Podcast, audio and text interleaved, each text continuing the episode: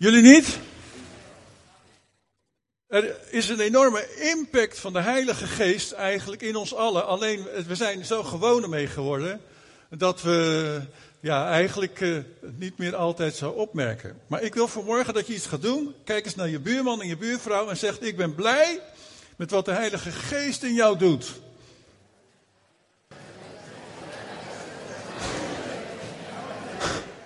Ja, laat het maar eens een keer gezegd worden. En ik denk ook dat de geest van God daar uh, vreugde over heeft. De Heilige Geest. Daar wil ik vanmorgen eigenlijk even kort bij stilstaan. We hebben een hele volle dienst. Ik zal proberen compact iets door te geven vanmorgen. Ik wil eigenlijk even kijken naar het leven van Petrus en Cornelius en de impact van de Heilige Geest in hun leven. Ja? Zullen we daar naar kijken? Want er zijn zoveel mensen vandaag aan de dag die God eigenlijk willen leren kennen. En uh, uh, misschien op zoek, maar, maar ze beginnen gewoon helemaal verkeerd, bij het verkeerde begin. En ze raken verdwaald. Wat zijn we toch blij met het werk van de Heilige Geest, die in hart van mensen werkt en die hun op het juiste spoor brengt en bij Jezus brengt. Amen. De Heilige Geest is in ons allen werkzaam als zijn discipelen, maar zeker ook werkzaam in degenen die nog zoekende zijn naar God. En dat moeten we ook gaan ja, waarderen, denk ik, en ook begrijpen. En ook, ik ben zo blij dat ik er altijd rekening mee mag houden. Dat Gods geest altijd werkzaam is in ons. Maar ook in de mensen waar, die wij ontmoeten. Als we dat gaan snappen, dan begrijpen we ook dat de impact van de Heilige Geest vele keren groter is dan dat wij gewoon beseffen. Ja? Ik neem jullie mee naar Handelingen 10, vers 1 tot 8. Gaan we eerst lezen. Bekende geschiedenis. Een van de inwoners van Caesarea was een centurio. Nou, dat was een officier in het leger. Over 100 mensen. Centurio. En het was een Romein. Woonde dus in het bezette gebied van, van Canaan, van uh, bezette dus de, de, het land van Israël, dat waren de Romeinen. Uh, hij was een centurion van de Italiaanse cohort, uit Italië dus. En hij heette Cornelius. Hij was een vroom man, net als zijn huisgenoten, die God vereerde. Hij gaf rijkelijk aalmoezen aan het volk en bad veelvuldig tot God. En op een dag kreeg hij omstreeks het negende uur een visioen waarin hij duidelijk zag hoe een engel van God zijn huis binnenkwam. En hij hoorde hem zeggen, Cornelius. En hij staarde de engel verschrikt aan en vroeg, wat is er, heer?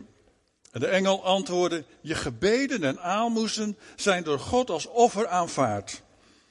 Stuur daarom een paar van je mannen naar Joppe om Simon te halen, die ook wel Petrus wordt genoemd. En hij blijft bij een leerlooier die eveneens Simon heet en die in een huis aan zee woont. Toen de engel die met hem had gesproken was weggegaan, liet Cornelius twee dienaren bij zich komen en een vrome soldaat uit zijn gevolg. Nadat hij had uitgelegd waar het om ging, stuurde hij naar Joppe. Nou, hier zagen we, zien wij dus een man die eigenlijk nog een heiden was. Want hij was wel op zoek naar God, hij was wel met God bezig, maar hij kende God nog helemaal niet. Hij was een heiden, een Rooms soldaat, een bezetter, een officier, over honderd mannen. Dus hij was nogal een sterke persoonlijkheid, denk ik, en een figuur. Maar er was een diep verlangen in zijn hart om God te kennen. En ik geloof dat vandaag aan de dag veel mensen dat, dat niet beseffen, dat dat verlangen wat in hun hart is, dat dat eigenlijk ook dat stukje eeuwigheid is, wat God in elke mens heeft geplaatst. Dat eeuwigheid, dat verlangt naar God. En dan, eh, dan gaan ze soms wel eens zoeken in allerlei vreemde hoeken. Maar dankzij de Heilige Geest zien we dat velen op het spoor komen van Jezus. En uh, gelukkig maar. Want ze willen weten van, ja, maar wat betekent dat dan? God kennen. En waarom? En, en, en, en waar kan ik God leren kennen? Moet ik daarvoor naar een speciale plek? Of kan, kan ik gewoon waar ik woon, waar ik ben, kan ik daar God leren kennen? Kan ik God leren kennen als ik, als ik de Bijbel lees? Kan ik een relatie met God hebben hier en nu? Al die vragen hebben mensen. En God ziet de harten van deze mensen, gelukkig. En God wil ze ook helpen om Hem te vinden. En daarom heeft God bedacht dat er een gemeente zou moeten zijn. Een gemeenschap van zijn volgelingen. Die die mensen zouden kunnen helpen om God te vinden. Is dat niet geweldig? Eigenlijk zo eenvoudig. Maar God had het zo bedacht. En uh, vaak komen ze dan ook in contact met mensen zoals wij. Hé Bashar, ja toch? Ja, dat heeft God gewoon gezien. Hij zag Bashar en dacht van, hé, hey, ik, ik, ik heb een, uh, hier een ambassadeur en die laat ik gewoon andere mensen ontmoeten. En dat is heel bijzonder en dat gebeurt eigenlijk met elk van ons. Alleen we beseffen dat vaak niet. Dat dat te maken heeft met het werk van de geest. En dat de impact van de Heilige Geest die daar doorheen werkt heel groot kan zijn. Dat mensen die eens verloren waren eh, gered kunnen worden. En dat, dat is heel wonderlijk en het is goed dat we dat ook zelf gewoon beter gaan beseffen. Kunnen wij met onze menselijke ogen gewoon de honger zien in levens van andere mensen eigenlijk naar God? Ik heb een boekje gelezen en dat heette, en dat heet, als je het ooit nog eens kunt krijgen, zou ik het zeker eens te pakken krijgen, Eternity in their hearts. Eeuwigheid in hun harten. En dat legt eigenlijk uit hoe mensen die nog nooit het evangelie hebben gehoord, op zoek waren naar God en op een of andere wonderlijke manier, via, via, via, via, toch uiteindelijk uitkwamen bij God. Zo ken ik een paar, Timo, die hebben wij ontmoet, dat was een, een, een Ambonese man, die woonde op een van de eilanden van Ambon, uh, helemaal in de bush, had nog nooit het evangelie gehoord, maar in zijn hart was een groot verlangen naar de schepper van alle dingen. En Patimo, die, die begon dus, ja, begon maar op zijn knieën, die, wat, whatever het was, te aanbidden. Toen hij later, want hij was al analfabeet, toen hij later naar een van de andere eilanden werd uh, uh, verhuisd of ging verhuizen, toen kwam hij daar een keer, terwijl hij wandelde, kwam hij daar bij een bamboe kerkje en hij zag daar mensen op hun knieën God loven en prijzen en bidden in nieuwe tongen.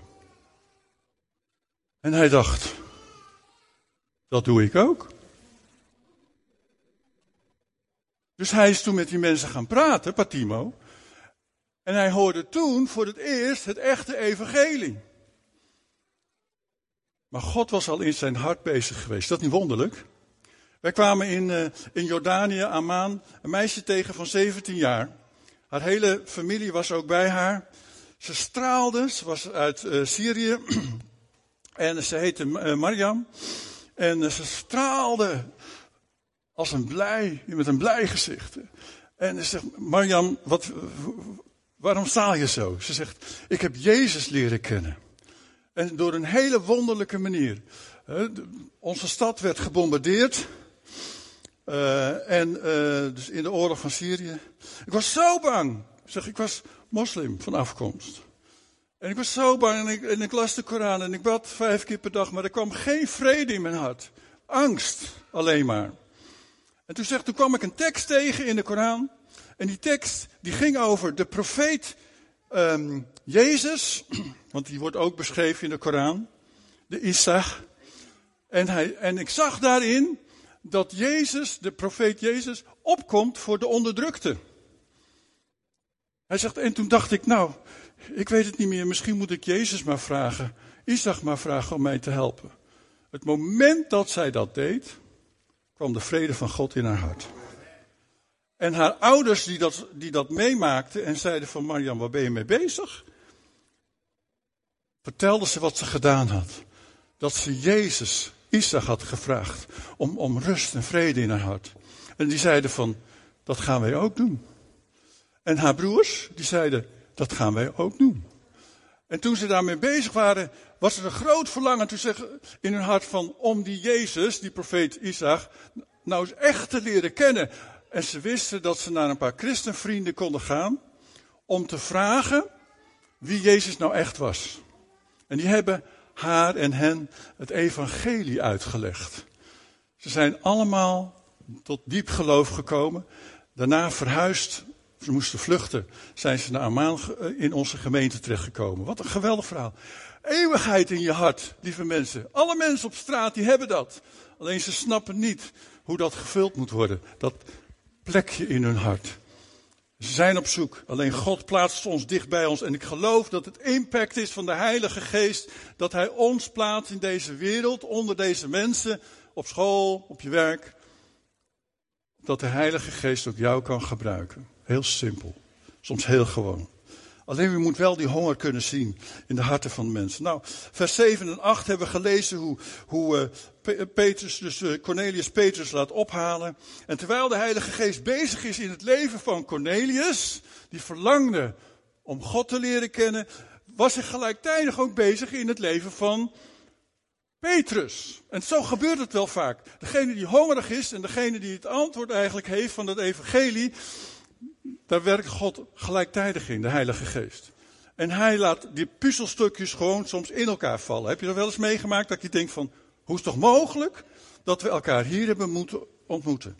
De volgende dag, vers 9. Nog voordat de afgezanten van Cornelius in Joppe waren aangekomen, ging Petrus omstreeks het middaguur naar het dak van het huis om daar te bidden. Maar hij kreeg honger en wilde iets eten. Terwijl er eten voor hem werd klaargemaakt, werd hij gegrepen door een visioen. Hij zag hoe vanuit de geopende hemel een voorwerp dat op een groot linnen kleed leek, aan vier punten op de aarde werd neergelaten. En op het kleed bevonden zich alle lopende en kruipende dieren van de aarde en alle vogels van de hemel. En hij hoorde een stem zeggen, ga je gang Petrus, slacht en eet.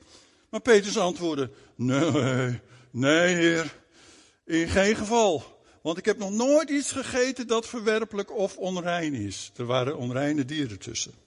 En voor de tweede maal hoorde hij de stem, wat God rein heeft verklaard, zal jij niet als verwerpelijk beschouwen. En tot drie maal toe hoorde hij de stem. En direct daarna werd het voorwerp weer in de hemel opgenomen. En Petrus vroeg zich verbijsterd af wat de betekenis kon zijn van het visioen dat hij had gezien. Nou, gebeurtenissen in onze levens worden vaak door God geregisseerd en gesynchroniseerd met gebeurtenissen in het leven van een ander. Ik hoor. Zo heb ik dit lieve meisje leren kennen toen zij nog 15 was. En ik 15 hoor. Toevallig, mijn fiets ging kapot. En ik moest dus op haar fiets met haar achterop terug van het zomerkamp naar huis. Was dat pech of was dat zegen? Ja, dat was de synchronisatie die God kan uitwerken in onze levens. Dat hij gewoon die dingen bij elkaar brengt. Dat is de impact van het werk van de geest, lieve mensen. Je kunt het uitleggen zoals je wilt, maar zo zie ik het echt. Het is niet ongebruikelijk en we kennen allemaal dat soort verhalen. We kunnen allemaal zoiets vertellen. Een gelegenheid waarop God eigenlijk werkt. Nou, wij zijn vaak bezig om God te vragen om een ander te veranderen. Zijn vaak, oh, jou moet ik straks even praten, spreken. Hè? Ja, of, of iets te doen in het leven van een ander.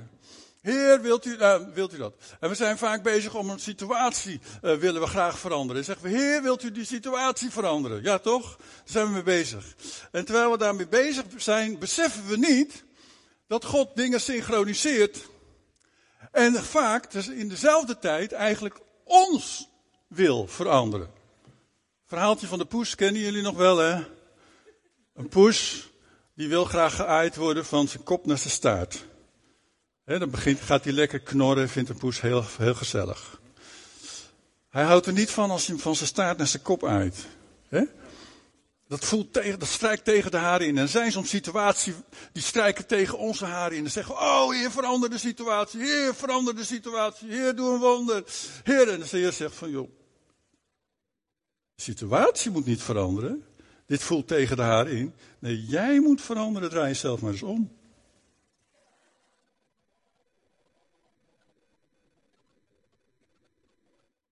Terwijl wij misschien bidden voor een situatie die moet veranderen. Misschien, misschien zijn er wel mensen van, Heer, oh, wilt u meer doen in de gemeente? Ja, misschien wil God wel meer doen in jou. Oh, halleluja. Zo is het. Nou, we zien hier dus een van de meest geestelijke leiders van de kerk, Petrus, apostel. Um, Wauw, wie nog meer zou je erbij kunnen halen, maar hij was er dus bij. En een potentiële bekeerling, Cornelius. Met zijn hele gezin. En voordat Petrus een bediening kon hebben naar dat gezin toe, wilde God eerst een bediening hebben in zijn leven. Dat is bijzonder. Ja, wij denken vaak wel van Heer, eh, doe dat. En de Heer zegt nee, ik doe dit. Gelukkig maar, hè. Eerst wilde God iets bovennatuurlijks in hem veranderen. Namelijk zijn beeld over heidenen, over ongelovigen. Vandaar dat het kleed naar beneden kwam met die onreine dieren. Het was een beeld van, van de heidenen. En God zegt, ik heb die heiden net zo lief als dat ik jou lief heb. En ik wil die heiden redden. Ik wil die heiden ook aan mijn hart. En Petrus begon het te begrijpen. Vandaar dat die ontmoeting, die synchronisatie, dan kwam in dat huis dat die drie mannen kwamen. dus Petrus dacht na over het visioen. En de geest van God zei tegen hem, terwijl hij over het visioen nadacht. Er zijn hier drie mannen die naar je op zoek zijn. Ga meteen naar beneden en ga zonder aarzelen met hem mee, want ik heb hen gezonden. De synchronisatie, de impact van de Heilige Geest ging verder dan zijn eigen leven. En dat is zo mooi om dat te zien, lieve mensen. Het is zo belangrijk dat wij zien wat de Heilige Geest eigenlijk allemaal doet. Hij maakt ons attent op een persoon. Mijn uh, dochter, we gaan hem vanmiddag ophalen, komt even bij ons thuis, gezellig. Die zag iemand bij de supermarkt, bij haar om de hoek in Den Haag. Krantjes, dakloze kranten uitdelen. en, en, nou, elke keer, en, en God begon tegen haar te spreken over die persoon. Zei ze van, joh, wil je eens een keer bij me thuis komen om, om te eten? En zo kwam die persoon natuurlijk heel verbaasd, maar kwam een keer gewoon thuis om te eten. Niet lang daarna heeft ze die persoon tot de Heer mogen leiden. Lieve mensen, zien wij gewoon wat God wil doen in jou, maar ook in die ander. En hoe God dingen bij elkaar kan brengen. Hoe je dienstbaar kunt zijn. dat wordt dan duidelijk. Cornelius stond drie mannen. Niet één, niet twee, drie. Nou, nou, toen wist Petrus het wel zeker dat hij nu moest gaan, want er was dus duidelijk een stem van de Heilige Geest, een bevestiging en dat er iets ging gebeuren. In 2 eh, Korinthe 6 vers 2 schrijft Paulus aan de gemeente, God zegt, wanneer de tijd ervoor gekomen is, luister ik naar je. Op de dag van de redding help ik je.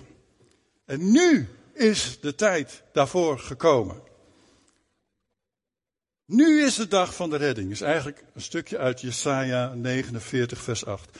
Gods timing, ook in ons leven en ook in jouw leven, is niet mañana, mañana. Weet je wat dat betekent?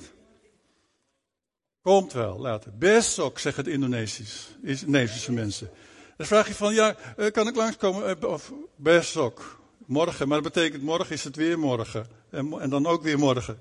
Nee, Gods timing is geen mañana, mañana. Gods timing is precies op tijd.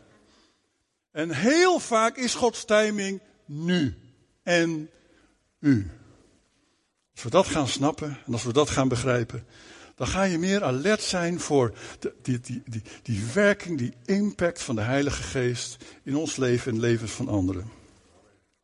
Hij ging dus met hem mee naar Caesarea, naar het huis van Cornelis. En we lezen in, in vers 24 tot 26. Een dag later kwam hij in Caesarea aan, waar hij werd opgewacht door Cornelius, die zijn familieleden en zijn naaste vrienden bijeen had geroepen. En toen Petrus het huis wilde binnengaan, moet er niet voor gaan staan, kwam Cornelius hem tegemoet. Hij wierp zich eerbiedig voor zijn voeten ter aarde, maar Petrus hielp hem overeind en zei, sta op, ik ben ook maar een mens.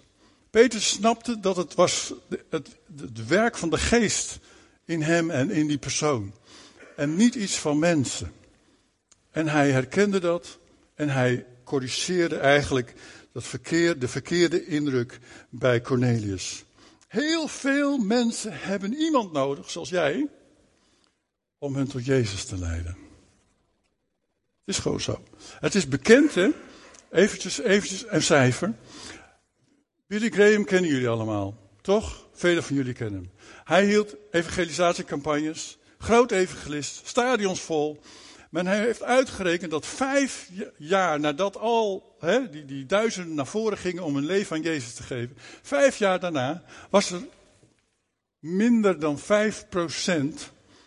die nog Jezus volgden. Maar mensen die tot geloof waren gekomen via een vriend, via een collega, via iemand die op hun pad was gekomen en hun geholpen heeft om achter Jezus aan te lopen. Vijf jaar na hun bekering is het 80% wat nog Jezus volgt. Oh halleluja. God wil ons allemaal gebruiken. God wil jou gebruiken voor degene die Jezus nog niet kent. Um, ik wil afronden. Handelingen 10, vers 44 tot 48. En terwijl Petrus nog aan het woord was, daalde de Heilige Geest neer op iedereen. Hè, nadat Petrus dus daar gesproken had, daalde de Heilige Geest neer op iedereen die naar zijn toespraak luisterde. De Joodse gelovigen die met Petrus waren meegekomen, zagen vol verbazing dat ook heidenen, zie je wat hier gebeurt?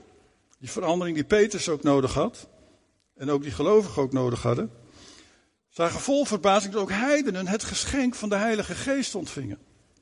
Want ze hoorden hen in klanktaal spreken en God prijzen.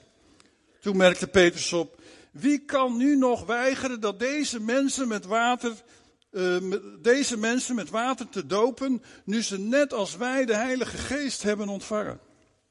En hij gaf opdracht hen te dopen in Jezus' naam. Oh, halleluja. En daarna vroegen ze hem of hij nog even wilde blijven. Vandaag gaan we ook twee mensen dopen. Drie kinderen opdragen. Van Ali al-Shamari en Luma al-Sa'adi. Goed gezegd zo? Luma al-Sa'adi. Wel hè? Ja. Ja, zo zeg je het op zijn Indonesisch ook. Ali al-Shamari Eluma. Bijzonder. En we gaan straks een getuigenis horen hoe deze mensen uit een hele andere achtergrond toch Jezus hebben ontmoet.